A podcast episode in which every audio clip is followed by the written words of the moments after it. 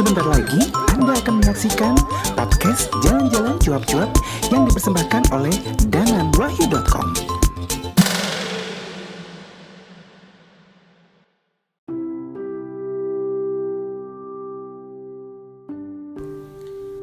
Assalamualaikum warahmatullahi wabarakatuh.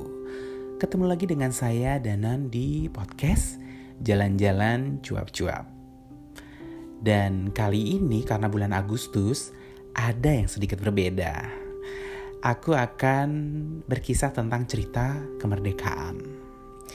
Ini adalah cerita kemerdekaan tentang perjuangan teman-teman di bidang perhotelan atau hotel air ya gitu.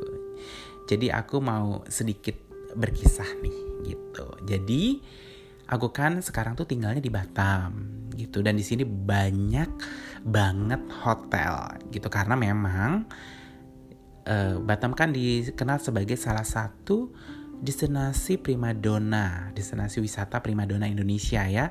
Selain Bandung dan Bali. Kita tuh kenalnya dengan nama Tribi atau Tiga Beauty gitu.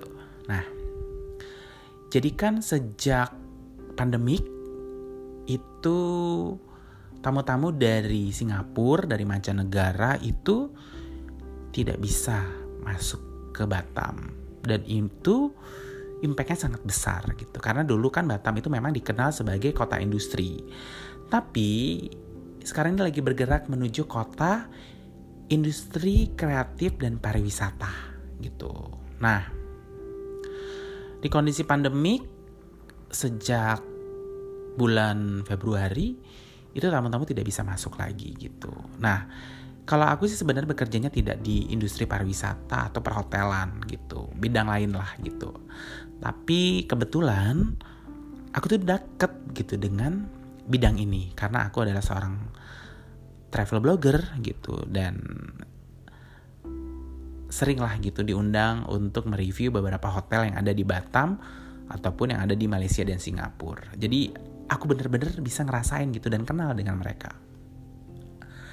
Jadi di bulan 3 gitu ya saat PSBB itu nyaris tidak ada tamu gitu. Yang masih bertahan adalah tamu-tamu long stay. Mereka yang bekerja orang asing gitu yang bekerja di Batam dan long stay di hotel dan ini benar-benar bikin kolaps ya industri pariwisata dan perhotelan gitu. Ya bayangin lah gitu.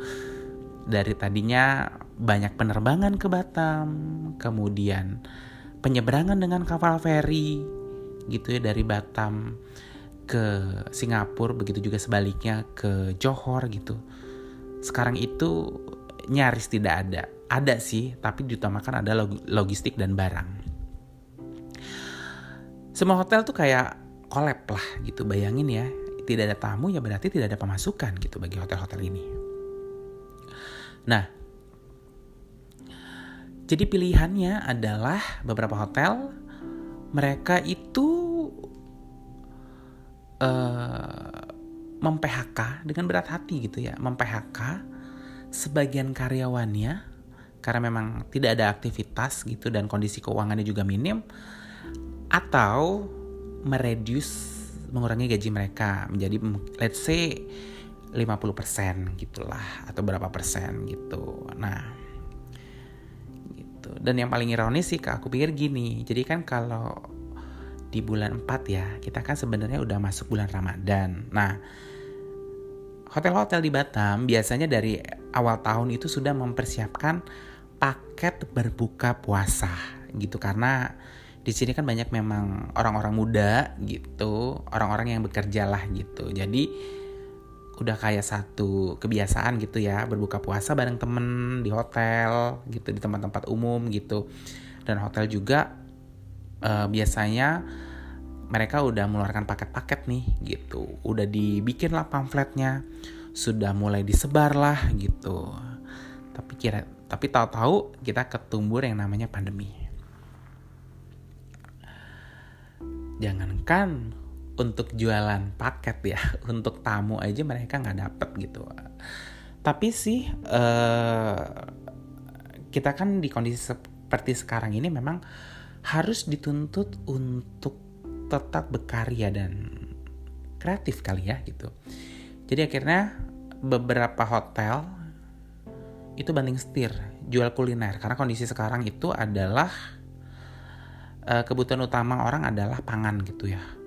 Jadi banyak tuh dan harganya kalau aku pikir untuk sekelas hotel sangat murah. Dan juga mereka akhirnya kreatif nih jual paket berbukanya dalam bentuk box. Dan mereka juga siap mengantarkan gitu. Jadi kan memang kayak akulah gitu ya di kantor mungkin kita ada meeting terus ada acara berbuka gitu. Tapi karena ini pandemi ya udah deh. Akhirnya kita dikirimin aja box box nasi berbuka puasa yang itu biasanya dari hotel-hotel yang kita, sudah kita booking gitu. Gitu. Aku aku pikir cukup cerdas gitu. Dan beberapa hotel juga uh, menempatkan beberapa mobil box di daerah atau area-area yang memang strategis untuk jualan kuliner. Ketika sudah masuk bulan keempat atau kelima itu kan kita udah jenuh ya kondisinya ya. Jadi kita yang di Batam sendiri pun tidak bisa keluar Batam. Gitu. Dan kita juga bosan di rumah. Aku ngobrol nih dengan salah satu uh, marketing hotel. Jadi ada hotel-hotel yang punya propertinya bed pisah gitu. Kayak pondok kayak kondo itu kan mereka tidak tidak jadi satu bangunan. Dan aku pikir ini sebenarnya berpeluang nih gitu. Asal bisa menyediakan protokol kesehatan yang sesuai. Aku ngobrol gitu. Ini kita udah bosen loh mas gitu. Kita pengen loh, uh, let's say lah merayakan Idul Fitri bersama keluarga itu di hotel karena liburannya kan lumayan panjang gitu. Terus si orang hotel bilang gini, oke deh kita coba ya mas gitu karena kan kita belum tahu nih. Ini adalah sesuatu yang baru bagi kita masalah protokol kesehatan. Kalau mungkin kalau possible kita akan bikin dia gitu. Dan benar loh tadi ternyata beberapa hotel ya beradaptasi gitu. Menerapkan standar protokol yang kesehatan kemudian akhirnya bikinlah paket-paket ini. Dan bagaimana dengan mereka yang split walk kayak aku? Aku juga ngalamin split walk. Jadi aktivitas di kantor memang dikurangi ya agar tidak bertemu dengan banyak orang. Jadi dibagi beberapa kelompok dan kita itu umpamanya ngantornya ya ke kantornya. Kalau ngantornya tiap hari, tapi ada dari rumah gitu. Tapi ke kantornya tuh bisa seminggu tiga atau empat kali atau hanya dua kali. Nah ini kan sebenarnya memberikan kita juga banyak kesempatan ya untuk melakukan hal lain gitu ya gitu. Jadi kayak temanku juga bilang ada tuh salah seorang markom lah marketing communication gitu bilang aku bingung loh mas awalnya gitu ketika working from home mau ngapain gitu.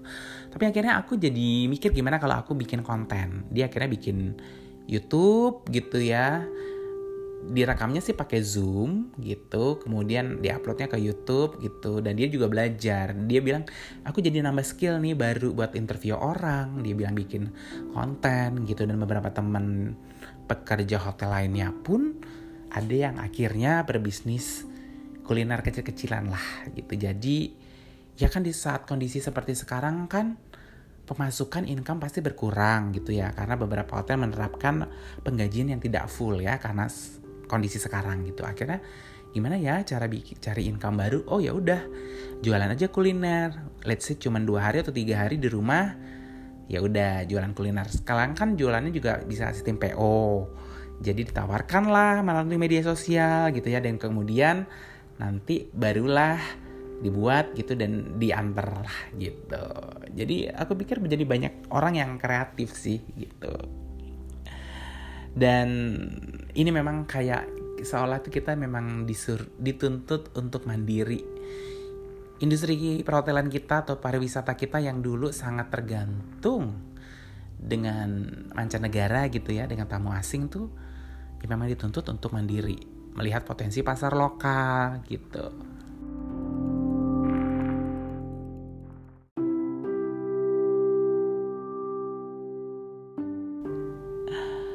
Aduh uh, apa ya? Awal-awalnya sih itu kayaknya sedih gitu. Tapi ngelihat teman-teman berjuang untuk beradaptasi untuk apa ya apa ya melihat peluang di saat seperti ini tuh kayak well kadang kita memang harus di kondisi terjepit seperti ini agar kita menjadi lebih kreatif dan setelah PSBB selesai uh, hotel-hotel sudah dibuka kembali gitu ya. Penerbangan sudah dibuka kembali gitu. Dan ini juga sebuah harapan lah bagi teman-teman yang bergerak di bidang perhotelan gitu. Tapi ingat gitu kita butuh inovasi gitu. Jadi aku sempat ngobrol gitu. Ini kondisi sekarang nih katanya gimana? Aku bilang gitu. Jadi gini ya mas katanya gitu. Itu kondisinya itu analoginya bukan kita dari jatuh kemudian kita bangkit. Dia bilang enggak enggak kayak gitu dia bilang gitu. Jadi itu kita kayak kembali ke titik nol start from zero ya udah kita memulai semuanya dari nol dia bilang gitu. Bayangin katanya kita harus merubah semua SOP sesuai standar protokol kesehatan. Membersihkan hotel zaman dulu dia bilang tidak akan sama dengan kondisi the new normal. Tahapannya berbeda. Itu dari bersihin hotel dia bilang dari housekeeping gitu. Kemudian lagi cara handling makanan. Dia bilang gitu. Belum penyajian. Nih yang unik nih dia bilang gitu. Dari sistem laundry aja gitu jadi kalau dulu cuma berapa derajat dia bilangnya baju-baju ini dipanaskan berapa derajat gitu dikeringkan dengan berapa derajat nah sekarang itu suhunya dinaikkan dengan harapan jika ada virus atau kuman itu akan mati wow aku bilang gitu jadi kalian uh, ini kayak belajar juga dong iya katanya gitu kami kayak belajar gitu. Kami memulai semuanya. Kami menyusun SOP bersama. Terus aku tanya, sebenarnya kalau kita berenang di kolam renang itu bahaya gak sih? Aku bilang gitu. Dia bilang gini, air kolam renang itu kan sebenarnya adalah mengandung disinfektan atau kaporit lah ya gitu. Sebenarnya sih aman gitu, tapi sebenarnya yang perlu kita perhatikan adalah dia bilang itu sistem check-in gitu. Makanya check-innya itu dibikin antriannya tidak tertumpuk satu waktu dan satu tempat. Dibuatlah uh, batas gitu ya antara front office dengan tamu. Kemudian line-line antrian yang jaraknya jauh. Kemudian pembayaran secara tunai dihindari. Kita lebih ke cashless dia bilang gitu Kemudian juga uh, ini nih masalah sarapan dan breakfast dibilang gitu. Kalau dulu mungkin kita bisa buffet gitu ya, beramai-ramai. Ini saat check in tuh langsung ditanya. Kita ada waktu makan jam segini, jam segini, jam segini. Dan dibatasi hanya satu jam. Mau pilih jam berapa. Jadi ada limitasi nih. Biar tidak banyak orang berkumpul di satu tempat dia bilang gitu kalau orang mau sarapannya dibawa ke kamar is oke okay, itu lebih bagus dia bilang gitu wow gue mikir luar biasa gitu ya. Iya dia bilang dan kita semuanya ini ber, berubah dia bilang gitu. Aku ngeliat ini bahwa inilah mungkin salah satu perjuangan nyata yang kita lihat di era pandemi. Ini hanya di satu sektor bidang yaitu perhotelan gitu. Aku kebayang dong gimana dengan bidang-bidang lain yang berhubungan dengan pelayanan, dengan seperti perbankan, let's say juga mungkin nanti ada pak uh, mereka yang menjual paket-paket wisata itu pasti akan berubah dong semuanya gitu. Dan ini adalah uh, sesuatu yang baru bagi kita gitu. Terus dia juga bilang tadi ya yang uh, kondisi apa namanya tidak bisa tergantung dengan dulu kan memang sih pasarnya adalah mancanegara ya kalau di Batam tuh banyak kan gitu. Tapi sekarang kita uh, Singapura, Malaysia juga belum buka diri. Jadi rasanya tidak akan ada tamu dari mancanegara dalam waktu dekat gitu.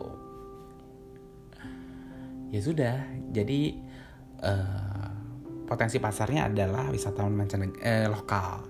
Jadi ya memang harus disesuaikan dari segi harganya, dari segi pelayanannya, mungkin harus lebih lokal. Dia bilang gitu. Wow, aku bilang luar biasa ya. Iya, gitu. Jadi ini benar-benar kayak dituntut kita buat mandiri ya. Mungkin kita selama ini tergantung dengan tamu-tamu luar gitu, tapi sekarang kita ya udah tamu lokal.